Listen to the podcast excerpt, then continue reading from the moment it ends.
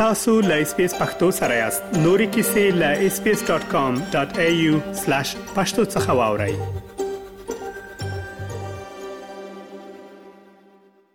د اسپیس رادیو د پښتو خبرونه محترم اوریدونکو وخت مو په خیر رحیم الدین وریا خیلم له افغانستان تاسو ته د افغانستان او سیمې د تیر یوې ونې مهمه پیښه وړاندې کوم هله د چې تر پای مې ملتیا وکوي په افغانستان کې د خوړو نړیوال سازمان تیر اونۍ د دویم ځل لپاره په غور ولایت کې خپل بشري مرستې وځنډولې د دغه سازمان ویاند وحید الله مانی وویل چې په تیر څو میاشتو کې د مرستې رسولو په چارو کې د طالب چارواکو لاسوهنې د ته مجبور کړل چې خپل فعالیتونه ودروي امانی وویل اوس مهال یوازې ګرځند ډلې په غور کې خوارځواکو ماشومانو او شیدو ورکونکو میندو ته خوراکي مرستې رسوي ښاغلي اماني وویل چې په غور ولایت کې په تیره جنوري میاشت کې هم د طالبانو د سیمایزو چارواکو لوري د مرستو د ویش کې د لاسوهنې لامل د لړۍ د لند وخت لپاره ځنډول شوې و خو له اپریل میاشتې وروسته یوازې د ماشومانو امیندوارو او هغو مرمنو لپاره د خوراکي موادو ویش روان وو چې ماشومانو ته یې شودې ورکولې په افغانستان کې د خوړو نړیوال سازمان دغه ویاند وویل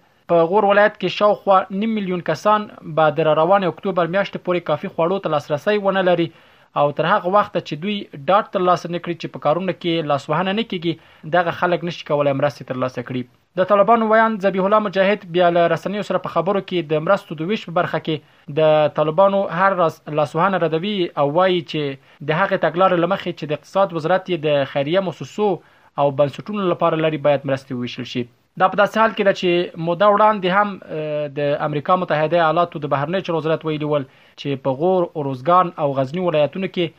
د بشري مرستو ویش د طالبانو د لاسوهنې لامل درول شوی دی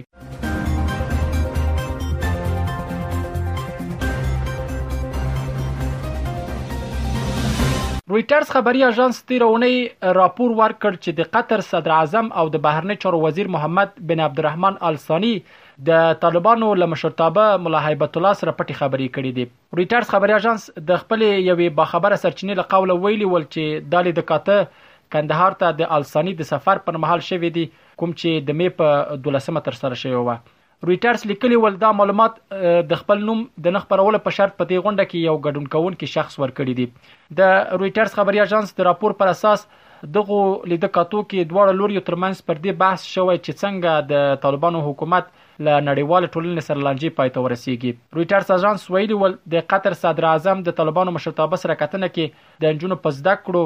او د ملګرو ملتونو سازمان په ادارو کې د ښځو په کار د بندیزونو د لرې کولو اړتیا هم مطرح کړې ده. رویټرز همداراز د خپلې سرچینې له قوله الثاني او د طالبانو د مشرتابه له تکاتکې له ترهګرۍ سره د مبارزې په اړه اړتیا او تر خوا یې له افغانانو سره د بشري مرستو رسولو د اسانتیاوو په رامنځته کېدو هم خبرې شوې دي.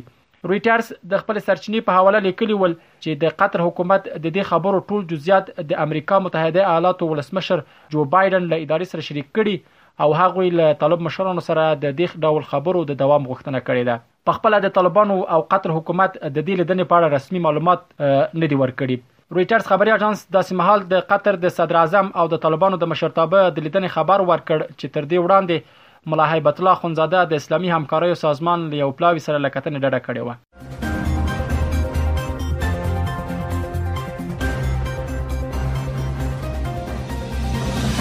نړیوال بانک تیر اونۍ د یو راپور په خبرولو سره وویل په افغانستان کې مالی پړسوب مخ په کمیدو دی د نړیوال بانک په دغه راپور کې راغلي ول چې د روان کال په مارچ میاشت کې د مالی پړسوب کچه 1.4 سلنه او په فبروري کې 3.15 سلنه و په داسې حال کې چې په 2022 کال کې په افغانستان کې مالی پړسوب 18.3 سلنه و نړیوال بانک په خپل دی راپور کې پولیس ثبات په نړیواله توګه د خوراکي او سوند توکو د بیو ټیټوالی د خوراکي توکو په تولید او ذخیره کولو کې خواله په بازارونو کې د اړتیا وړ توکو شتون او د بیو راټیټیدل دا ټول د مالي پړسوب د کمیدو لاملونه بللي ول. په راپور کې راغلي ول چې د روان کال له جنوري میاشتې څخه د اپریل میاشتې پورې افغانستان د دوه زره او دوه ویشت کال په پرتله څلور سلنه زیاتوالي سره صفر اعشاریه شپږ بلیونه ډالرو صادرات کړي چې ډیره برخه یې پاکستان ته د ډبرو سکارو او تیلو صادرات وو. نړیوال بانک په خپل راپور کې دا هم ویلي ول چې سږ کال افغانستان د دوه زره او دوه ویشت کال په پرتله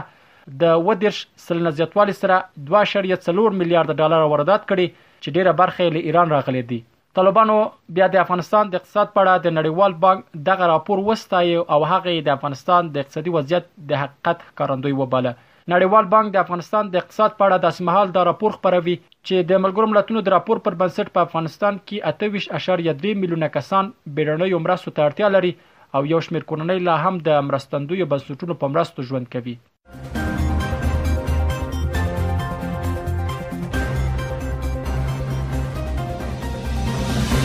یو شمېر امریکایي سناتورانو تیر اونۍ پریکړه وکړه چې پر طالبانو د سختو بندیزونو لګولو لپاره د امریکا کانګرس ته یو لایحه وړاندې کوي د فاکس نیوز د راپور لمخې دغه لایحه چې د سناتور جیم ریش او 13 نورو سناتورانو لخوا وړاندې کیږي پر اساس یې د امریکا له ولسمشره غواړي چې پر طالبانو د تروریستي فعالیتونو، د مخدره موادو د قاچاق او د ښځو د حقونو په ګډون د بشري حقونو د سرغړونو له امله بندیزونه ولګوي. په دغه لایحه کې د امریکا له حکومته غوښتل شوي چې طالبانو سره له هر ډول راکړې ورکړې ډډه وکړي. جیم ریش فاکس نیوز ته وویل چې متحده ایالات باید د دغه لایحې تصویب لپاره ژر اقدام وکړي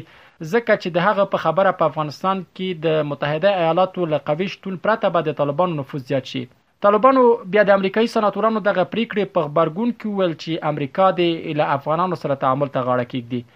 د یادونه ده که څه هم طالبانو له دې وړاندې هم د اسلامي اصولو پر رڼا کې ښځو ته د حقونو د ورکړې خبره کړې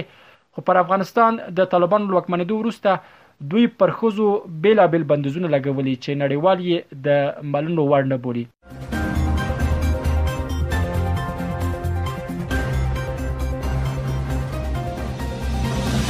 د دې اونۍ د پای موضوع هم دا چې د پاکستان د سولې انسټیټیوټ تیر اونۍ وویل په افغانستان کې د طالبانو واکمنېدو سره په پاکستان کې ترهګریز بریدونه ډیر شوي دي. دغه انسټیټیوټ په خپل یو راپور کې ویلي ول چې پاکستان کې د 2021 کال له اګست را په دې خوا د 2023 کال تر اپریل پورې په ترهګریزو بریدونو کې زیاتوالی راغلی. راپور کې راغلي ول چې دا زیاتوالی د هغه په پرتله چې طالبان بیا پر افغانستان واکمن شوي غیر معمولي و. راپور کې زیاته شوې وه چې د دغو بریدونو دوه نوي سلنه یې په خیبر پښتونخوا او یو اتیا سلنه یې په بلوچستان کې شوي دي. د پاکستان د سولې انسټیټیوټ په راپور کې دا هم راغلي ول چې افغان طالبانو د تحریک طالبان پاکستان یا ټي ټي پي مسله کې چې د پاکستان یو له اصلي اندېښنو څخه دی ځان لرې ساتلی دی. راپور کې دا هم راغلي ول چې افغان طالبانو د ډیورنډ پر کرښه او پاکستان پر پوله د اغزن تار لګولو په اړه ملي دریځ خپل کړی چې له همدې له امله وخت نا وخت پر پوله ناامني او شخړې رامنځته کېږي. طالبانو بیا د پاکستان د سولې انسټیټیوټ دغه راپور ته په غبرګون کې وویل